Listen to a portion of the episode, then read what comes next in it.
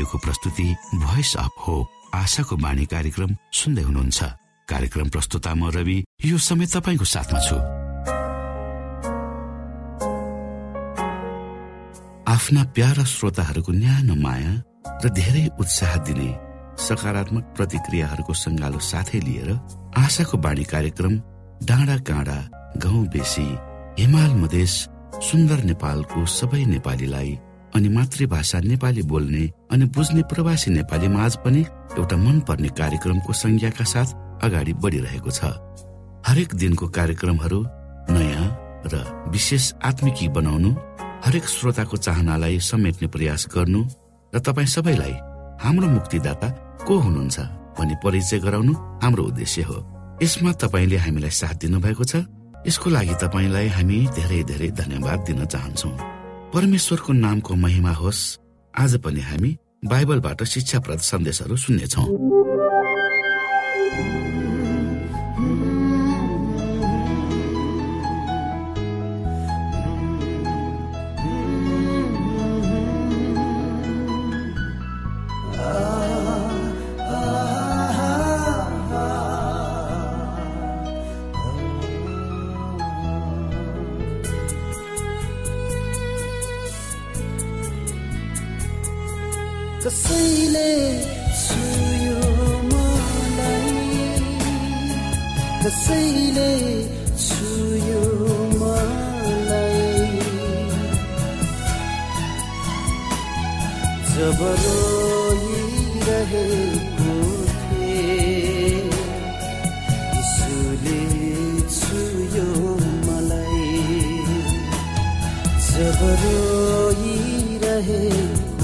थिएँ यीशुले छुयो मलाई। कसैले छुयो मलाई। कसैले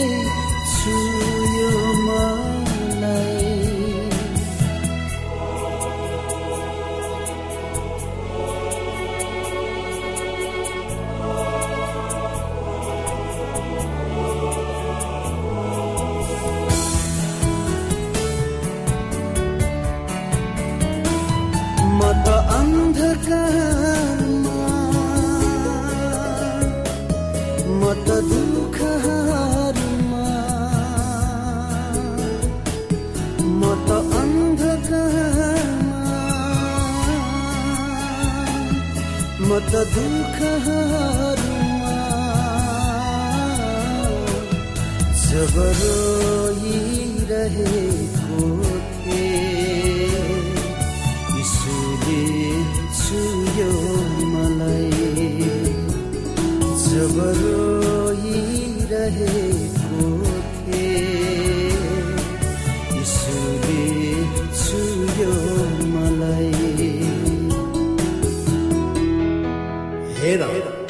तिम्रै साथमा छु। मैले तिमीलाई भनेकै थिएँ। तिमीलाई छोड्ने छुइनँ म त त्याग्ने नै छु। तिम्रो नाउँलाई मैले मेरो हत्केलामा खोपेर राखेको छु। मेरो आवाजलाई सुन। यो समय तपाईँ एडभेन्टिस्ट ओल्ड रेडियोको प्रस्तुति भोइस अफ होप आशाको बाणी कार्यक्रम सुन्दै हुनुहुन्छ। श्रोता मित्र यो समय हामी पास्टर उमेश पोखरेलबाट आजको बाइबल सन्देश सुन्नेछौ।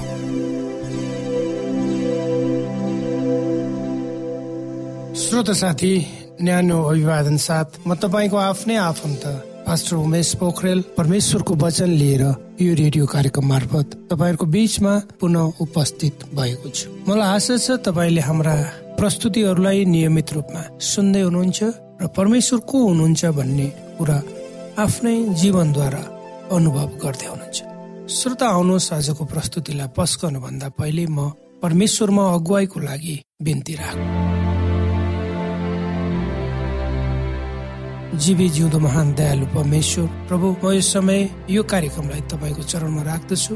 यसलाई तपाईँले तपाईँको राज्य र महिमाको प्रचारको खातिर धेरै ठाउँमा पुर्याउनुहोस्। ताकि धेरै मानिसहरू जो अन्धकारमा हुनुहुन्छ जीवनको अर्थ नबुझेर जीवनलाई व्यर्थमा बिताइरहनु भएको छ उहाँहरूलाई तपाईँको ज्योतिमा ल्याउनुहोस्। सबै बिन्ती प्रभु यीशुको नाम आमेन।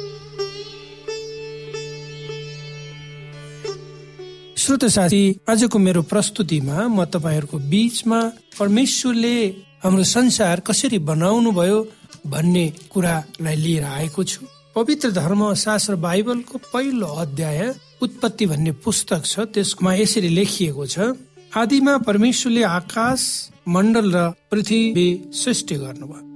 पृथ्वी आकार बिनाको र शून्य थियो अथा समुद्रमाथि अन्धकार र परमेश्वरको आत्मा पानीमाथि परिभ्रमण गर्दै रहनुहुन्थ्यो। अनि परमेश्वरले भन्नुभयो उज्यालो होस् तब उज्यालो भयो। र परमेश्वरीले उज्यालोलाई हेर्नुभयो र त्यो असल थियो। उहाँले उज्यालो र अँध्यारोलाई अलग अलग गर्नुभयो। परमेश्वरले उज्यालोलाई दिन र अँध्यारोलाई रात भन्नुभयो। साँझ पर्यो बिहान भयो। त्यो पहिलो दिन सृष्टिको। अनि यसरी लेखिएको छ अगाडि अनि परमेश्वरले भन्नुभयो पानीका बीचमा एक क्षेत्र होस् र त्यसले पानीलाई दुई भाग गरोस्। परमेश्वरले यो बनाएर क्षेत्र मुनिको र माथिको पानीलाई अलग अलग गर्नुभयो तब त्यस्तै भइहाल्यो। परमेश्वरले यस अन्तरिक्षलाई आकाश भन्नुभयो र साँझ पर्यो र बिहान भयो दोस्रो दिन। अनि परमेश्वरले भन्नुभयो आकाश मुनि भएको पानी एक ठाउँमा जम्मा होस् र ओबानो भूमि देखा परोस् तब त्यस्तै भइहाल्यो। परमेश्वरले ओबानो भूमिलाई पृथ्वी भन्नुभयो र जम्मा भएको पानीलाई समुद्र भन्नुभयो।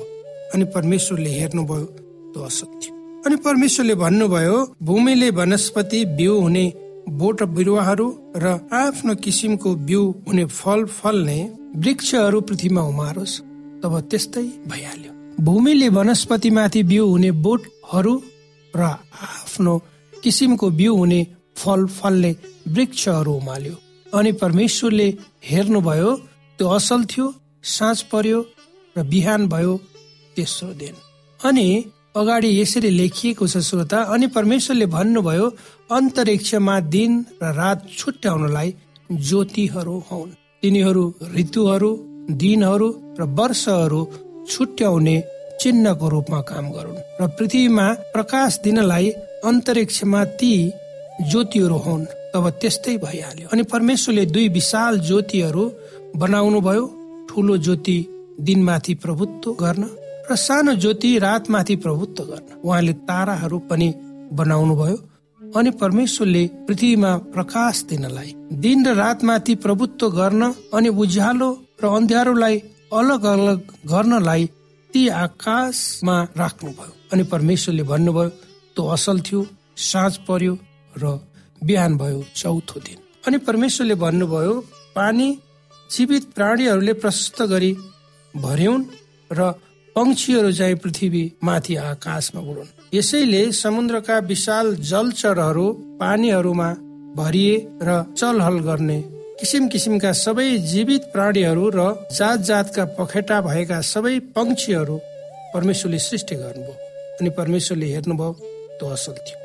अनि परमेश्वरले तिनीहरूलाई यसो भनेर आशिष दिनुभयो फल्दै फुल्दै पृथ्वीमा वृद्धि हुँदै समुद्रमा भरिँदै जाओ अनि पंक्षीहरूको पनि पृथ्वीमा वृद्धि हुँदै जाओस्। अनि साँझ पर्यो र बिहान भयो पाँचौं दिन। अनि परमेश्वरले भन्नुभयो पृथ्वीले जात जातका जीवित प्राणीहरू अर्थात् जात जातका पाल्तु पशुहरू घस्रने जन्तुहरू र जात जातका वन पशुहरू उत्पन्न गरोस्। तब त्यस्तै भयो। परमेश्वरले पृथ्वीका जात जातका वन पशुहरू जात जातका पाल्तु पशुहरू र जमिनमा घस्रने जात जातका जन्तुहरू बनाउनु भयो अनि परमेश्वरले हेर्नुभयो त्यो असल थियो। अनि परमेश्वरले भन्नुभयो मानिसहरूलाई आफ्नै स्वरूपमा हाम्रै प्रतिरूपमा बनाऊ। तिनीहरूले समुद्रका माछाहरू आकाशका पंक्षीहरू पाल्तु पशुहरू र जमिनमा चलहल गर्ने सबै जन्तुहरूमाथि अधिकार गरौँ। यसै कारण परमेश्वरले मानिसलाई आफ्नै स्वरूपमा सृष्टि गर्नुभयो। परमेश्वरकै प्रतिरूप उहाँले तिनलाई सृष्टि गर्नुभयो। नर र नारी नै गरी उहाँले तिनीहरूलाई सृष्टि गर्नुभयो। परमेश्वरले तिनीहरूलाई आशिष दिनुभयो र तिनीहरूलाई भन्नुभयो फल्दै फुल्दै वृद्धि हुँदै पृथ्वीमा भरिँदै त्यसलाई आफ्नो बसमा पार्दै जाओ। समुद्रका माछाहरू आकाशका पंक्षीहरू तथा पृथ्वीका सबै जीवित प्राणीहरूमाथि अधिकार अनि परमेश्वरले भन्नुभयो हेर म तिमीहरूलाई पृथ्वीका सबै बिउ उमार्ने बोटहरू र फलमा नै बिउ हुने सबै फलका रुखहरू दिन्छु ती तिमीहरूको निम्ति आहारा हुनेछन्। अनि पृथ्वीको हरेक पशु आकाशको हरेक पंक्षी जमिनमा चलहल गर्ने हरेक जन्तु हरेक प्राणी जसँग जीवन छ तिनीहरूका आहाराको निम्ति म हरियो वनस्पति दिन्छु। तब त्यस्तै भयो। आफूले बनाउनु भएको हरेक कुरा परमेश्वरले हेर्नुभयो। वास्तवमा त्यो साह्रै राम्रो थियो अनि साँझ पर्यो बिहान भयो छैटौँ दिन श्रोता परमेश्वरले छ दिनमा यो सारा संसारको सृष्टि गर्नुभयो र सातौं दिनमा उहाँले विश्राम लिनुभयो। यसलाई यसरी बयान गरिएको छ उत्पत्तिको पुस्तकको दुई अध्यायको एक र तिनमा।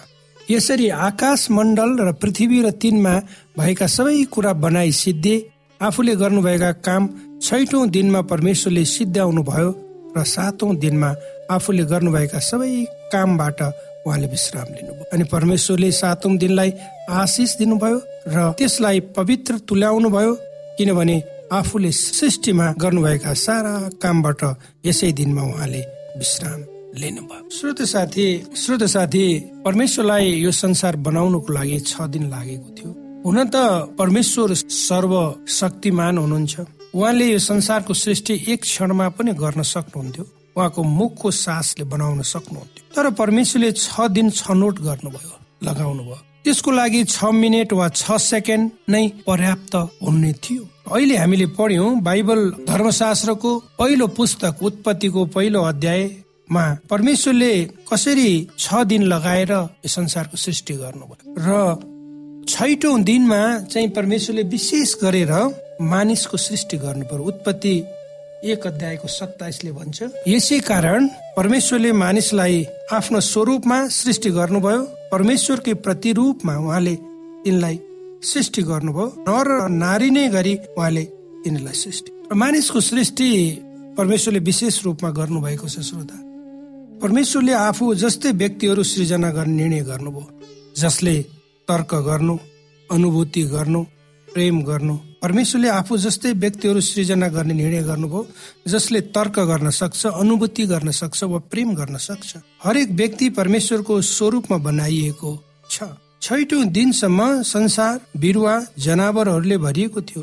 त्यसपछि परमेश्वरले सृष्टिको उत्कृष्ट कृति रच्नु भयो र हामीले हेर्न सक्छौ पवित्र धर्मशास्त्र बाइबलको उत्पत्ति दुई अध्यायको सात पदमा यहाँ लेखिएको छ परमेश्वरले आदमको शरीरलाई पृथ्वीको धुलोबाट बनाउनु भयो त्यसरी जब परमेश्वरले उसको नाकमा जीवनको सास फेर्नुभयो मानिस एक जीवित प्राणी बन्यो अनि उसले जीवन पायो।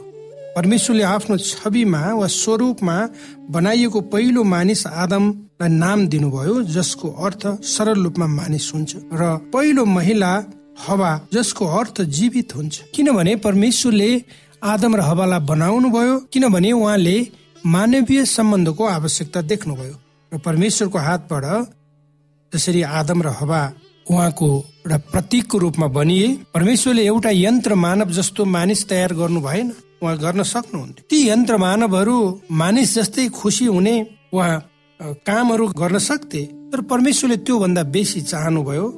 वास्तवमा भन्यो भने रोबोटहरू यन्त्र मानवहरू पनि मुस्कुराउन सक्छन् बोल्न सक्छन् भाँडाहरू माझ्न सक्छन् काम गर्न सक्छन् तर तिनीहरू माया गर्न सक्दैनन्। परमेश्वरले हामीलाई उहाँको स्वरूपमा बनाउनु भयो अर्थात् हामी विचार गर्न सक्ने चयन गर्न सक्ने सम्झने बुझ्ने प्रेम गर्ने क्षमता सहित हामीलाई सृष्टि गर्नुभयो। आदम र हवा परमेश्वरका छोरा छोरीहरू थिए र त्यो उहाँको एउटा उत्कृष्ट सृष्टिको नमुना थियो श्रोता।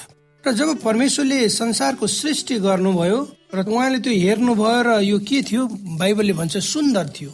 सबै कुराहरू सिद्ध थिए। तर त्यो सिद्ध संसारमा दुष्टको नजर लाग्यो र दुष्टता यो संसारमा प्रवेश गर्यो। आजको हाम्रो प्रस्तुति तपाईँलाई कस्तो लाग्यो? र आजको प्रस्तुतिलाई सिद्ध्याउनु भन्दा पहिले परमेश्वरले छ दिनमा वा सात दिनमा के के बनाउनु भयो सृष्टिको कुरालाई म छोटकरीमा तपाईँहरूको बिचमा राख्छु। पहिलो दिन उहाँले प्रकाशको सृष्टि गर्नुभयो। दिन रात। दोस्रो दिनमा पृथ्वीको वातावरण। तेस्रोमा सुक्खा जमिन र वनस्पति। चौथोमा सूर्य चन्द्रमा प्रकट भयो। पाँचमा पंक्षी र माछाहरू। छैटौं दिनमा जमिनमा रहने जनावर र मानिसहरू। सातौं दिनमा परमेश्वरले विश्राम गर्नुभयो। श्रोता यदि तपाईँले आजको कार्यक्रम सुन्दै हुनुहुन्छ भने भोलि पनि हामी हाम्रो प्रस्तुति यसैको निरन्तरता हुनेछ। संसारमा दुष्टताको प्रवेश कसरी भयो? श्रोता मलाई आशा छ आजको प्रस्तुति तपाईँलाई राम्रो लाग्यो। तपाईँले परमेश्वरले कसरी संसार बनाउनु भयो भन्ने कुराहरू सुन्ने र बुझ्ने मौका तपाईँले पाउनुभयो। परमेश्वरले तपाईँलाई आशिष दिनु श्रोता भर्खरै यहाँले पास्टर उमेश पोखरेलबाट बाइबल वचन सुन्नुभयो। यो समय तपाईँ एडभेन्टिस्ट ओल्ड रेडियोको प्रस्तुति भोइस अफ होप आशाको बाणी कार्यक्रम सुन्दै हुनुहुन्छ। कार्यक्रम सुनेर बस्नुहुने सबै श्रोतालाई हामी हाम्रो कार्यक्रममा स्वागत गर्न चाहन्छौ। श्रोता मित्र यदि तपाईँ जीवनदेखि हरेस खानु भएको छ तपाईँका जीवनमा धेरै अनुत्तरित प्रश्नहरू छन् भने आउनुहोस् हामी तपाईँलाई परमेश्वरको ज्योतिमा डोहोर्याउन चाहन्छौ। र तपाईँ आफ्नो जीवनका चिन्ता फिक्रीबाट निश्चिन्त हुनुहोस् र बाँच्नुको आनन्द परमेश्वरको सामिप्यमा कति मिठो हुन्छ त्यो चाख्नुहोस् भनी हामी चाहन्छौँ। श्रोता यदि तपाईँ आशाको बाणी कार्यक्रमलाई अनलाइन सुन्न चाहनुहुन्छ वा डाउनलोड गर्न चाहनुहुन्छ भने डट ओआरजीमा जानुहोस्। त्यहाँ तपाईँले प्रत्येक दिनको कार्यक्रम सुन्न र डाउनलोड गर्न सक्नुहुनेछ। हाम्रो वेब पेज यस प्रकार छ। ओआरजी श्रोता यदि तपाईँ हामीसित सिधै फोनमा सम्पर्क गर्न चाहनुहुन्छ भने हाम्रा नम्बरहरू यस प्रकार छन्। अन्ठानब्बे एकसाठी पचपन्न शून्य एक सय बिस. अन्ठानब्बे एकसाठी पचपन्न शून्य एक सय बिस. र अर्को अन्ठानब्बे अठार त्रिपन्न पन्चानब्बे पचपन्न. अन्ठानब्बे अठार त्रिपन्न पन्चानब्बे पचपन्न. यो आशाको बाणी रेडियो कार्यक्रम हो। म प्रस्तुता धनलाल राई। स्वास्थ्य सम्बन्धी सन्देश लिएर उपस्थित छु। स्वीकार्नुहोस्। आजको स्वास्थ्य सम्बन्धी सन्देशको शीर्षक रहेको छ कपाल फुल्ने समस्याको मुख्य कारणहरू।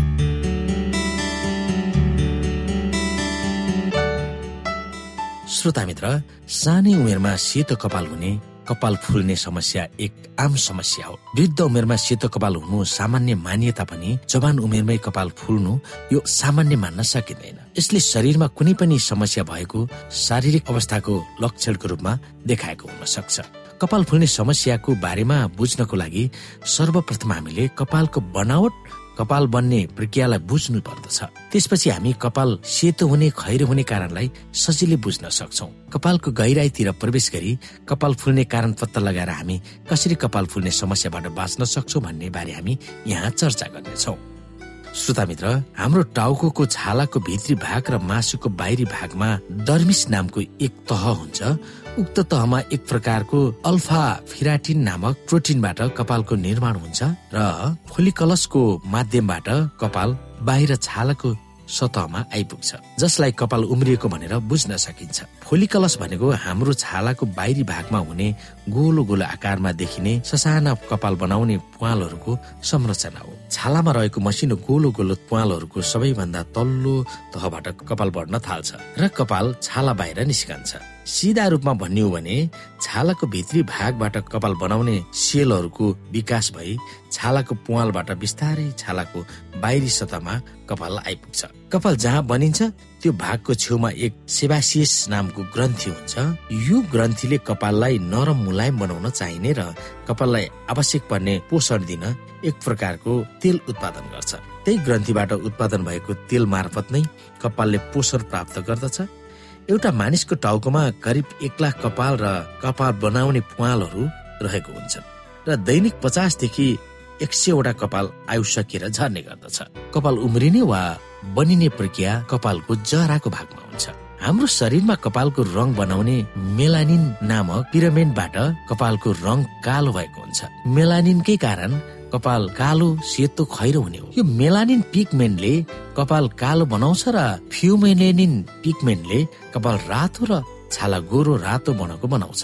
यी सबै पिगमेन्टलाई नियन्त्रण गर्ने काम तपाईँको जिनले गर्दछ र तपाईँलाई गोरो कालो बनाउने फाइनल निर्णय वंशाणुगत गुणमा रहन्छ। र त्यही अनुरूप कुन मेलानिन उत्पादन गर्नुपर्ने हो त्यही मेलानिन शरीरले उत्पादन गर्न थाल्छ। जब तपाईँको शरीरमा मेलानोसाइटिस सेलले मेलानिनको उत्पादन गर्न छोड्छ तब कपाल सेतो भएर फुल्न सुरु हुन्छ। कपालको जराको भित्री भागमा मेलानिन रहेको हुन्छ र त्यसैले कपाललाई कालो बनाइराख्ने हो। तर जब कपालको भित्री जरामा मेलानिनको उत्पादन कम हुँदै जान्छ तब कपाल पनि खैरो रुखो र सेतो हुँदै जान्छ। मेलानिनको उत्पादनमा कमी हुँदै हुँदै जाँदा एक दिन पूर्ण रूपमा मेलानिन उत्पादन हुन छोड्छ र कपाल सेतो भएर कम उमेरमै फुल्न जान्छ। यति मात्रै होइन कपाल फुल्ने अरू कारणहरू पनि छन् जस्तै एकमा वंशानुगत कारण। तपाईँको कपाल सानै उमेरमा फुल्न सुरु गर्यो भने तपाईँको परिवारभित्र बुबा हजुरबुबामा पनि यो गुण रहेको हुन सक्छ। त्यसै कारणले वंशानुगत कारण सानै उमेरमा कपाल फुल्न थाल्छ र यस गुणलाई केही गरे पनि परिवर्तन गर्न सकिँदैन। र अर्को दोस्रो नम्बरमा रहेको छ भिटामिन बी टुवेल्भको कमी। कपाल फुल्ने कारणहरू मध्येमा भिटामिन बी टुवेल्भको कमीका कारण कपाल फुल्नु एक मुख्य कारण अन्तर्गत पर्दछ। यदि सानै उमेरमा कपाल फुल्न थाल्छ भने तपाईँलाई भिटामिन बी टुवेल्भको कमी भएको हुन सक्छ यदि तपाईँ शाकाहारी हो भने भिटामिन बी टुवेल्भको अवश्य कमी भएको हुन सक्छ भिटामिन बी टुवेल्भले स्वस्थ रातो रक्तकोषको निर्माण गर्दछ। रगत बनाउने काम गर्छ। र उक्त रगतले अक्सिजन बोकेर शरीरभरि कपालको जरासम्म पुर्याउने काम गर्छ र मेलानिनको उत्पादन हुन्छ र त्यसै मार्फत स्वास्थ्य कपाल कालो कपाल र मुलायम कपाल भइरहन्छ। तर यदि भिटामिन बी टुवेल्भ कमी भयो भने यो प्रक्रियामा गडबड हुन जान्छ र कपाल फुल्ने समस्या उत्पन्न हुन्छ। भिटामिन बी टुवेल्भ पाउनका लागि माछा मासु र अन्डा प्रशस्त मात्रामा खानु पर्दछ तर दुग्धजन्य पदार्थहरूमा कम भिटामिन बी टुवेल्भ पाइन्छ त्यसैले कपाल फुल्ने समस्या भएमा भिटामिन बी टुवेल्भ शरीरमा बनाइराख्न जरुरी रहेको हुन्छ। अर्को तेस्रो कारण रहेको छ चुरोटको सेवन। यदि तपाईँ चुरोट सेवन गर्नुहुन्छ भने तपाईँमा पनि कपाल फुल्ने समस्या भएको हुन सक्छ चुरोटले रक्त नलीहरू नष्ट गर्दै जान्छ र कपालको होलिकलससम्म रगत र अक्सिजन पुग्न नसकेर मेलानिन उत्पादन बन्द हुन्छ र कपाल फुल्न थाल्छ। अर्को कपाल फुल्ने कारण रहेको छ थाइराइडको समस्या भएमा। थाइराइडको समस्या हुँदा पनि मेलालिन उत्पादन कम हुन जान्छ। थाइरोइड समस्या भएपछि कि थोरै हार्मोन बनिन्छ कि धेरै बनिन्छ। यसरी अनियमित थाइराइडमा समस्या आउँदा यसको सिधै असर मेलानिन उत्पादनमा पर्छ र कपाल फुल्ने समस्या उत्पन्न हुने गर्छ। अर्को पाँचौं कारण रहेको छ अटो युमिन रोग भएमा। यो अटो युमिन रोग भएका मानिसहरूको पनि कपाल फुल्न थाल्छ किनकि युमिन सिस्टमले आफ्नै शरीरको सेलहरूमा आक्रमण गर्न थाल्छ र मेलानिन उत्पादन हुन छोड्छ। र अर्को छमा रहेको छ तनाव वा चिन्ता लिए यदि तपाईँ तनाव चिन्ता लिनुहुन्छ भने तपाईँको कपाल कम उमेरमै फुल्ने गर्छ। तनाव चिन्ताले निन्द्रा लाग्दैन। निन्द्रामा समस्या आएपछि मेलानिनमा समस्या आई कपाल फुल्ने समस्या उत्पन्न हुन जान्छ। श्रोता साथी यदि वंशानुगत समस्याले हो भने प्राकृतिक रूपमा कपाल कालो बनाउन सकिँदैन। तर भिटामिनको कमी तनाव चिन्ताले थाइराइडले आदि शारीरिक समस्याको कारणले हो भने उक्त समस्याको उपचार गर्दै दैनिक शारीरिक कसरत गर्दा कपाल कालो भएर आफै उम्रिन सक्छ। किनभने मेलानिन उत्पादनमा सुधार आयो भने कपाल कालो हुने हो तर उत्पादन हुन सकेन भने कपाल कालो हुन सक्दैन। आदरणीय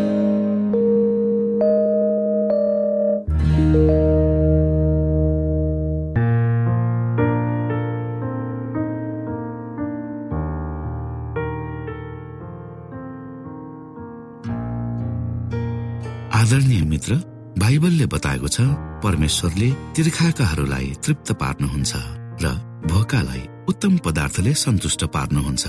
हामीलाई दिइएको यो छोटो समय आशाको बाणीको प्रस्तुतिको समयमा हामीले हाम्रा श्रोताको आत्मिक भोकलाई केही मात्रामा भए तापनि सही प्रकारको खोराक पस्केर आत्मिक सन्तुष्टि दिन सकेका छौँ केही ऊर्जा थप्न सकेका छौँ भनेर हामीले आशा राखेका छौँ।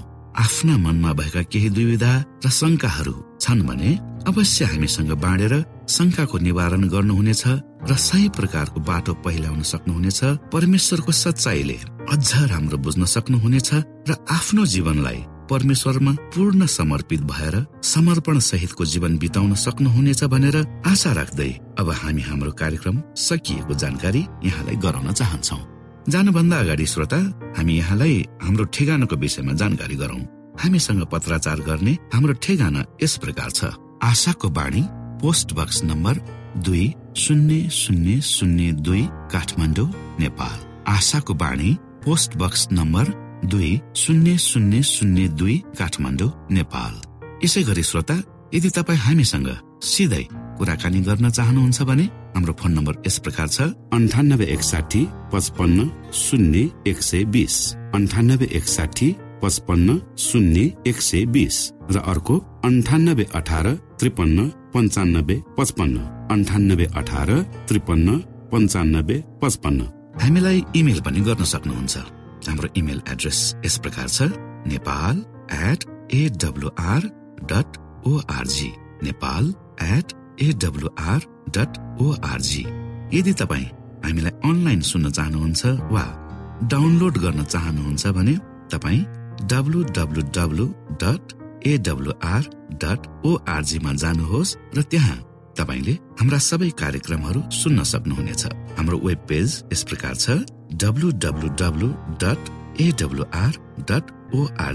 श्रोता यसमा गएर तपाईँले हाम्रा दैनिक कार्यक्रमलाई सुन्न सक्नुहुनेछ र डाउनलोड पनि गर्न सक्नुहुनेछ। हवस् त श्रोता हाम्रो कार्यक्रम सुनिदिनु भएकोमा एकचोटि फेरि यहाँलाई धन्यवाद दिँदै भोलि फेरि यही स्टेशन यही समयमा यहाँसँग भेट्ने आशा राख्दै प्राविधिक साथी राजेश पास्टर उमेश पोखरेल र कार्यक्रम प्रस्तुता म रवि यहाँसँग विदा माग्दछौ। परमेश्वरले तपाईँलाई धेरै धेरै आशिष दिनुभएको होस्। नमस्कार।